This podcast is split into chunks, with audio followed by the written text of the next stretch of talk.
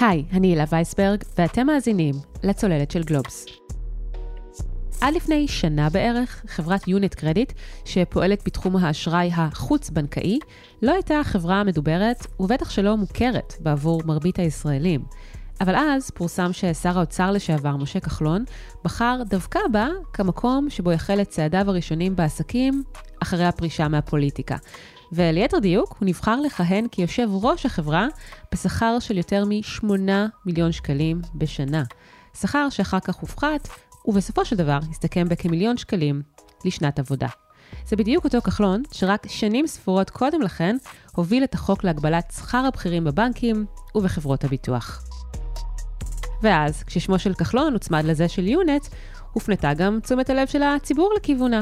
כי ככה זה, כשמביאים סופרסטאר פוליטי לשעבר כמו משה כחלון, לכהן בחברה עסקית כיושב ראש הדירקטוריון.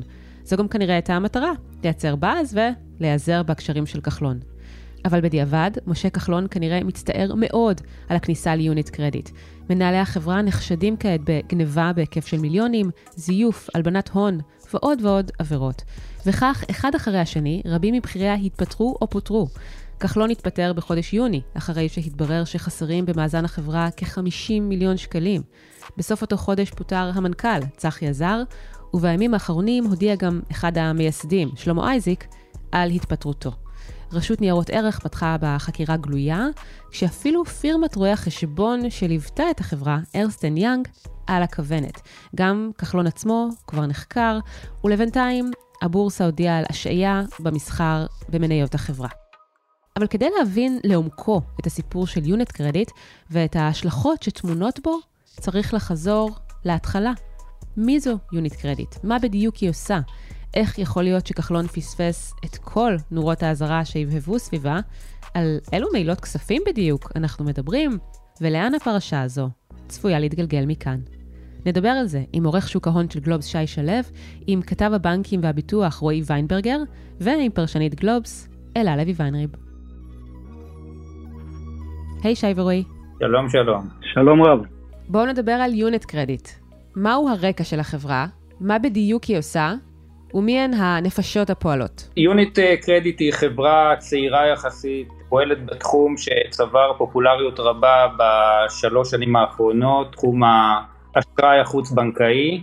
עיקר פעילות החברה היא בניקיון צ'קים, בעצם איזשהו סוג של עסקת המרה שבה לקוחות החברה מקבלים את ערכם הכספי של צ'קים דחויים ואלה מוסבים לחברת האשראי, במקרה זה יוניט קרדיט, בתמורה לעמלה שמנה שנקבעת אה, באחוזים אה, מסכום העסקה. יוניט קרדיט אה, בעצם כמו רבות מחברות האשראי החוץ בנקאי שהצטרפו לבורסה בתל אביב בשנתיים האחרונות ואנחנו מדברים על משהו כמו 20 חברות עשתה את זה באמצעות מיזוג לשלט בורסאי, זאת אומרת לא הנפקת מניות לציבור, אלא בעצם סוג של השתלטות על חברה קיימת וחסרת פעילות, ובעצם אה, הכנסת פעילות המימון לתוכה, שזה בעצם מהלך שחוסך תשקיף וגילוי רחב מדי על אה, עסקי החברה. מי שעומד אה, מאחורי החברה זה שלמה אייזיק, דמות מוכרת בעולם סוכנויות הביטוח והספורט, ושי פנסו. לפני כשנה הם אה, צירפו לעצמם אה, פיגורה, את אה, שר האוצר לשעבר משה כחלון, שעבור שכר מנופח נאות לשמש כיו"ר החברה. שי, ציינת שבשנתיים האחרונות יש תנופה בכניסה של חברות אה, מהסוג של יונט, בתחום של אשראי חוץ-בנקאי אה, לבורסה. למה בעצם? מה קורה בתקופה הזו?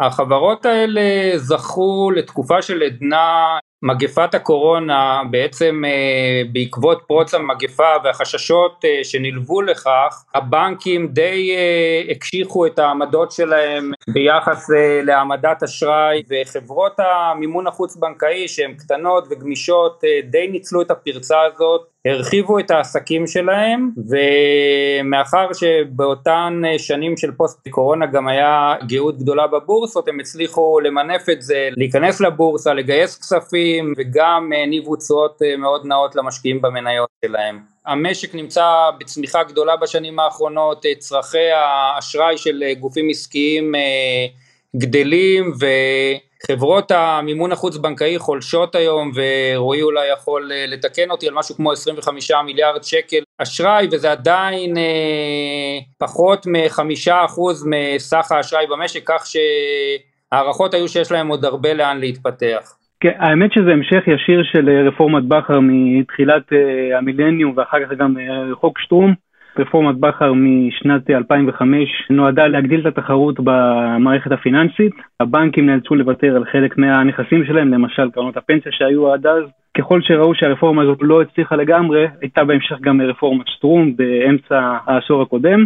שהביאה איתה עוד, עוד כל מיני צעדים, חברות האשראי החוץ-בנקאיות נהנו מאוד מאוד מאוד מהקלות אה, רגולטוריות. כדי להגדיל את התחרות מול הבנקים הם אה, באמת נתנו להם אה, מלא מלא הקלות. כן, כדי להגדיל תחרות ולהיטיב איתנו הצרכנים. נכון. כשמדברים על הקלות שלהן זכו בשנים האחרונות חברות האשראי החוץ-בנקאי, צריך להזכיר אולי שלחלק מהן, הוא אף התגאה בכך, היה אחראי משה כחלון בשבתו כשר האוצר, זאת אומרת הוא אחד שבהחלט תרם לשדרוג אה, מצבן אה, של חברות אשראי החוץ בנקאי, ובהקשר הזה צריך אולי להגיד עוד משהו, שבדרך כלל חברת אשראי חוץ בנקאי, כשאתה לווה ואתה מחפש מימון, חברת האשראי החוץ בנקאי היא לא האופציה הראשונה שאתה תפנה אליה, זאת אומרת ברור שבבנקים אתה תזכה לריביות נוחות יותר ולתנאים נוחים יותר, אבל יש אה, סוג מסוים של לווים שאו שהגיע לתקרת האשראי שהוא יכול אה, למשוך בבנקים או שהוא בכלל לא יכול להגיע לבנקים ולכן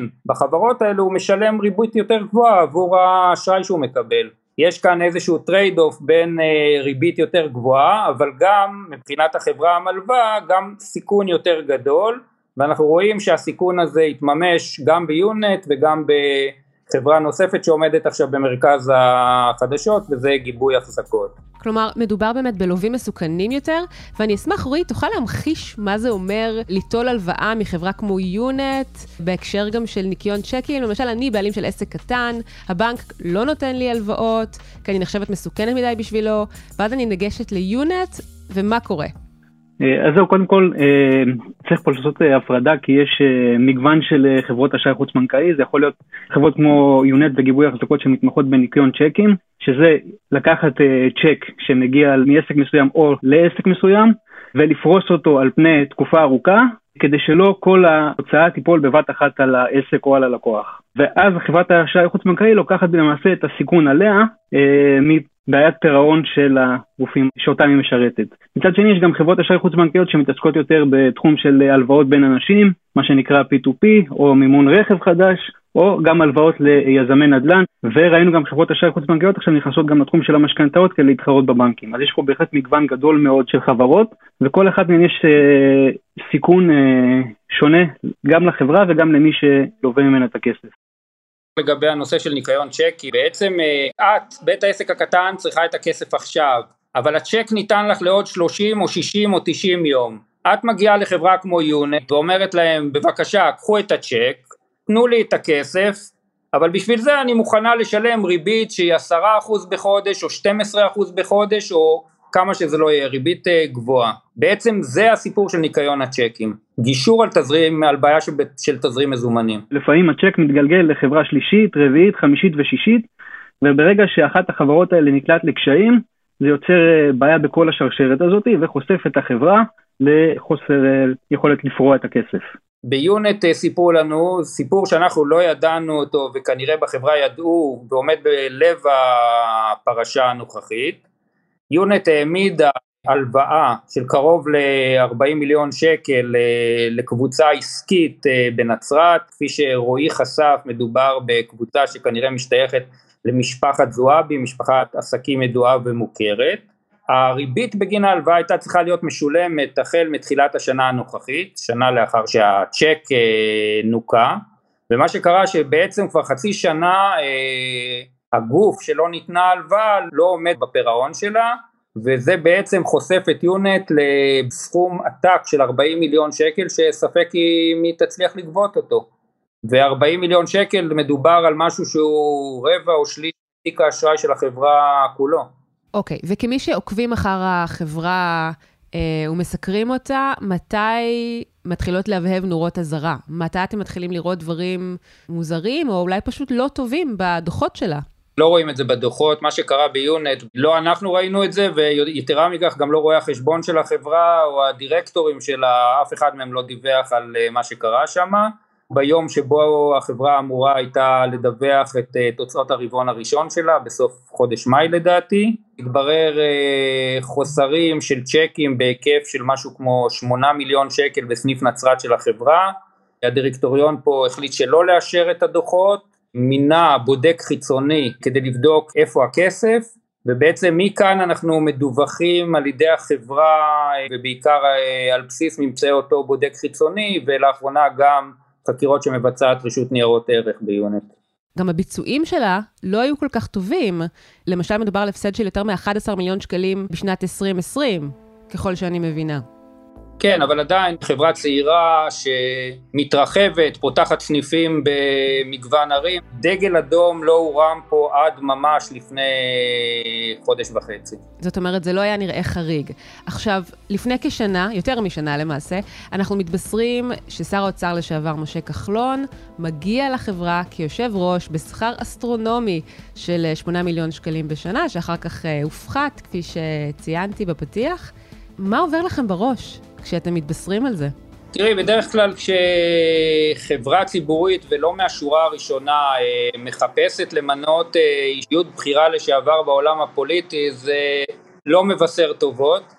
זה בעיקר אומר שהחברה הזאת מחפשת אה, או לגיטימציה או סוג של קשרים למסדרונות השלטון, ואף אחד באמת לא חשב שכחלון הולך להביא איזשהו ערך מוסף עסקי, היות ואין לו שום ניסיון כזה. נכון. הדבר הראשון שקפץ בהיבט של אה, השכר שכחלון היה צריך לקבל ביונט זה שהוא היה זה שהעביר למעשה את החוק של הגבלת אה, שכר הבכירים.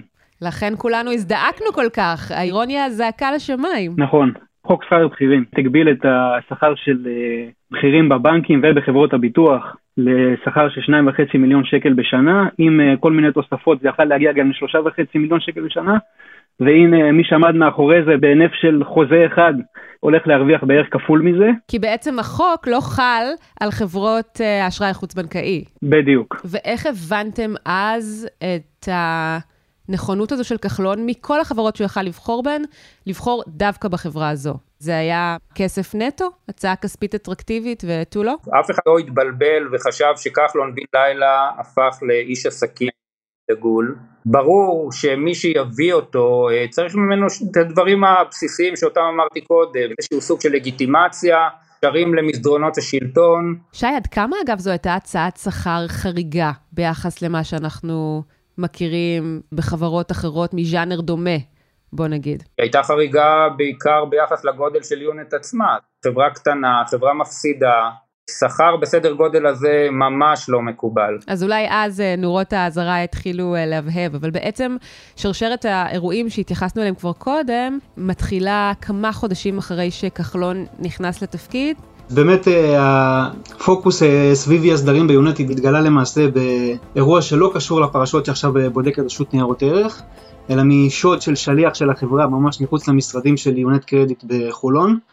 אה, שני רעולי פנים שהתחזו לשליחים של וולט שדדו ממנו באיומי אקדח שלושה וחצי מיליון שקל ומשם באמת החברה נכנסה למין מדרון חלקלק כזה של עוד ועוד פרשות שמתגלות ככל שהזמן עובר כמו ששי ציין, אז בסוף uh, חודש מאי, יום לפני שהחברה הייתה צריכה לדווח על הדוחות הכספיים שלה לרבעון הראשון, היא מגלה שחסרים לה כמה מיליוני שקלים בפעילות ניקיון הצ'קים בסניף בנצרת, ממנה בודק חיצוני, שהוא לאט לאט מתחיל uh, לגלות עוד ועוד uh, פרטים על ההתנהלות הכספית שלפי התמונה בינתיים היא מאוד כושלת ויש שם בעיה מאוד מאוד גדולה של התנהלות. עכשיו למעשה אנחנו מדברים על שלוש פרשיות נפרדות שרשות ניירות ערך בודקת, האירוע המרכזי הוא באמת נוגע להקצאת מניות של החברה הציבורית עבור החברה הפרטית שגם היא נקראת יונט קרדיט ובה שולטים שלושת בעלי השליטה המרכזיים שלמה אייזיק, שי פנזו וצחי עזר שהיה גם המנכ"ל. למה של... יש גם חברה פרטית וגם חברה ציבורית? יונט לא נכנסה לבורסה דרך הנפקה אלא דרך מיזוג לשלט בורסאי. המשמעות היא שהחברה לא גייסה כסף מהציבור וכדי לפתח את עסקיה החברה הייתה צריכה כסף חדש. לצורך זה היא פנתה לבעלי השליטה בה, אייזיק פנסו ושות' שהחזיקו בחברת יוניט הפרטית מעליה. העסקה שהתגבשה הייתה שבעלי השליטה מזרימים כסף לתוך החברה הציבורית כנגד הקצאת מניות חדשות. מה שקרה בפועל טוענת הרשות שהכסף לא הגיע בכלל לחברה הציבורית אלא שבכל מיני עסקאות סיבוביות הוא חזר לידיהם של בעלי השליטה. ומה קורה מבחינת ההשתלשלות של הפרשה? החשד הוא באמת שאותם 50 מיליון שקל שהיו אמורים לעבור לחברה הציבורית חזרו לחברה הפרטית במסווה של עסקאות של ניקיון צ'קים או הלוואות לצדדים שלישיים. ואז למעשה בעלי השליטה גם קיבלו חזרה את ה-50 מיליון שקל שלהם וגם הגדילו את המניות שלהם בחברה הציבורית. במילים פשוטות פשוט עסקה פיקטיבית. העברת הכסף, קבלתו בחזרה, והמניות נשארו בידיים שלהם, יחד עם 50 מיליון שקל. ומה, הם חשבו שהדבר הזה יעבור מתחת לרדאר? לא יתגלה? לא ייראה? כמו שדיברנו על זה שכל העניין של הפדיון צ'קים יכול להתגלגל מאחד לשני לשלישי לרביעי, כנראה שגם פה הם חשבו שאיפשהו בדרך זה ייעלם ואף אחד לא ישים לב לזה. לפי בינתיים החשדות מה שעולה זה שמי שניהל את כל האופרציה הזאת הוא המנכ"ל אה, צחי עזר. במהלך הבדיקות שמבצע הבודק החיצוני גם התגלה שהוא לקח 70 אלף שקל מכספי החברה ולא דיווח עליהם לצרכיו האישיים. יש פה התנהלות רוחבית ולא בפרשה אחת. מה לגבי רשות שוק ההון? היא לא אמורה לפקח על החברות האלה? יש פה כמה רגולטורים שכל אחד מהם אחראי על איזשהו סיגמנט של פיקוח אבל אין פה אה, מישהו שמפקח באופן מלא על חברות האשראי החוץ בנקאי אנחנו בגלובס התרענו על זה כמה פעמים, העובדה היא שרק עכשיו כשהסוסים ביונט אה, כבר אה, ברחו מהאורווה אז הרשות פה נזכרה אה, להשית איזשהו סוג של פיקוח על הפעילות שלהם. כל אחד מהרגולטורים ברח מאחריות. רשות שוק ההון אמרה אנחנו אחראים על התהליך שלפני קבלת הרישיון, ברגע שנתנו רישיון אנחנו אחראים רק על לוודא שהלווים לא נפגעו כתוצאה מפעילות של החברה ממנה לבו את הכסף, ובאמת הלווים עצמם לא נפגעו פה. אבל מצד שני, אה, כל התהליך מצד רשות שוק ההון פשוט נפסק ברגע שהם נתנו את הרישיון ואין פה פיקוח לא יציבותי ולא על ההתנהלות של החברה. אה, רשות ניירות ערך מצד שני אומרת אנחנו אחראים רק על העניין של הדיווחים וכמו שראינו פה באמת היו פה לא מעט אה, תקלות בדיווחים ואנחנו אחראים באמת על מה שהמשקיעים אה, ידעו. ככה שאין פה באמת פיקוח רציף, אה, וזה עכשיו מה שהרגולטורים יצטרכו להחליט ביניהם, אה, מי, מי, מי באמת יפקח גם על היציבות וגם באופן שוטף על החברות האלה, ולא רק מה שהן משדרות החוצה, אלא מה שקורה אצלם בתוך הבית. אז בעצם הנפגעים מהסיפור הזה הם הציבור ש... השקיע בחברה, בשוק ההון? נפגעים הישירים הם המשקיעים בבורסה, כי שתי המניות האלה נפלו ביותר מ-50%, ואנחנו שומעים שהולכות להיות מוגשות תביעות, גם uh, ייצוגיות וגם נגזרות, נגד החברות והבכירים uh, בהן על אובדן כספי ההשקעות. בואו נחזור רגע לכחלון. הוא אומר, לא רק שלא ידעתי מכלום, אלא שעוד לפני שנכנסתי לתפקיד התייעצתי עם בכירים במשק, כמו הממונה על שוק ההון משה ברקת, ובכירים בפירמת רואי החשבון שליוותה את החברה ארנסטן יאנג, והם המליצו לי להיכנס אליה, אמרו שהיא כשרה, והיא טובה, אז מה דעתכם? בכל זאת, זה שר אוצר לשעבר, יכול להיות שהוא פשוט נפל ברשת, בתום לב, או שהאחריות למה שקרה ביונט קרדיט מונחת גם על כתפיו. הוא נכנס ליונט בעיניים פקוחות, הוא לא איזה ילד קטן שנפל ברשת, ואני גם מאמין שמי שהמליץ לו להיכנס לחברה הזאת לא ידע שיש שם אי סדרים, כמו שאני חושב שגם כחלון לא ידע שיש אי סדרים אה, ביונט. צריך להזכיר גם שהרשות ניירות ערך לא חושדת בו במעורבות באי הסדרים שהתרחשו בחברה, אלא בזה שהוא ידע שישנם אי סדרים ולא דיווח על כך במועד. כחלון היה יושב ראש פעיל. זה לא שהוא היה יושב ראש אה, קישוט, הוא לא היה מעין מנכ"ל על, יש אה, שיגידו. אמנם האירועים התרחשו כביכול אה, לפני שהוא נכנס לתפקיד, אבל בכל זאת הוא היה מעורב במשך כמעט שנה שלמה בכל מה שקורה בחברה. כך שבכל זאת יש לו פה איזושהי אחריות, באמת כמו ששי הזכיר, הוא חשוד באי דיווח והסתרה ולא באחת מהעבירות החמורות שמיוחסות בינתיים לבעלי השליטה ובעלי תפקידים אחרים בחברה. אז רועי, לאן הפרשה הזו אה, עשויה ללכת מכאן? לאן היא עשויה להתגלגל ו... ואיפה החשודים אה, עלולים למצוא את עצמם בעתיד? אנחנו כבר רואים ש... הרגולטורים, בעיקר רשות ניירות ערך, התחילה להגביר את האכיפה, הקדימה את הביקורות רוחב שלה על כל ענף האשראי החוץ-בנקאי. לגבי יונט קרדיט עצמה, חלק אה, גדול מאוד מהיכולת של אה, חברה כזאת לצמוח הוא האמון שגם מצד המשקיעים וגם מצד מי שלווה ממנה את הכסף, ופה אנחנו רואים פגיעה מאוד מאוד גדולה באמון של ה, גם של המשקיעים וגם ב, של הלקוחות. יש פה בכל זאת אה, הסתרה, לכאורה, כן, אני חוזר אפילו לכאורה של אה, עשרות מיליוני שקלים, אם לא יותר חמור מזה, אז קשה לראות בהיבט הזה את החברה מצליחה לשקם את האמון של הציבור בה, בטח לא בטווח הקצר, וגם החברה ירדה לשווי של אה, פחות מ-20 מיליון שקל, שרק לפני שנה וקצת הייתה בסביבות ה... 180 מיליון שקל. זה ירידה מאוד מאוד דרסטית שיהיה לה קשה מאוד להתאושש ממנה וכמו ששי באמת אה, הזכיר יש פה גם אה, תביעות שכנראה יוגשו נגד החברה שאמורות לחסל גם את ההון העצמי של אה, בעלי השליטה אם באמת זה יתקריאל ככה אז יהיה לה מאוד מאוד קשה לחזור לתפקד כחברה שרוצה להיות חברה מובילה בתחום האשראי החוץ-בנקאי. בדיוק, נראה שהעתיד שלה לחלוטין לוט בערפל ובכלל לא בטוח אם היא, אם היא תשרוד.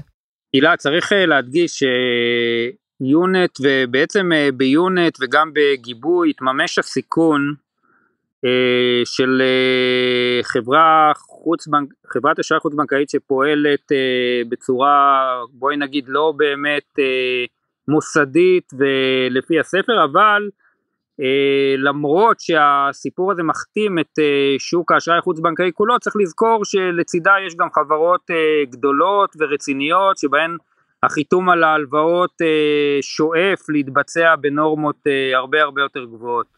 כן, אבל אין ספק שהסיפור הזה חשף שככל הנראה הרגולציה צריכה להיות הרבה יותר מקיפה, וככל הנראה זה מה שנראה בעתיד. בהחלט. שי שלו, רועי ונברגר, אנחנו נמשיך ונעקוב. תודה רבה. תודה, תודה. תודה רבה. היי אלה. היי.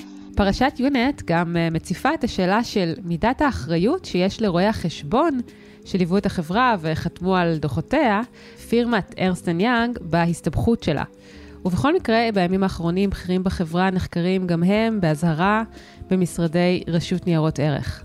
למה גם רואי החשבון על הכוונת? תמיד כשיש פרשה כזאת, אז uh, מסתכלים uh, מי היו שומרי הסף בחברה הזאת.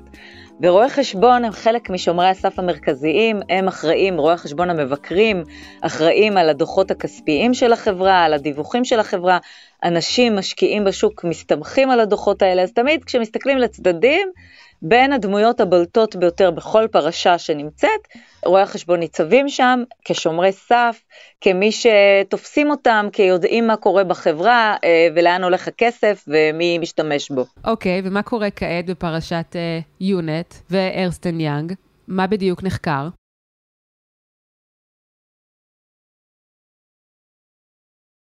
וגם רואי החשבון הסתכלו ימינה ושמאלה ואמרו, רגע, מה, מה אנחנו עושים עכשיו? הם מיד, רואי החשבון, ממש ימים ספורים אל תוך הגילויים של החשדות נגד החברה, קודם כל התפטרו. דבר ראשון, הם אמרו, אנחנו לא יכולים להמשיך לייצג את החברה.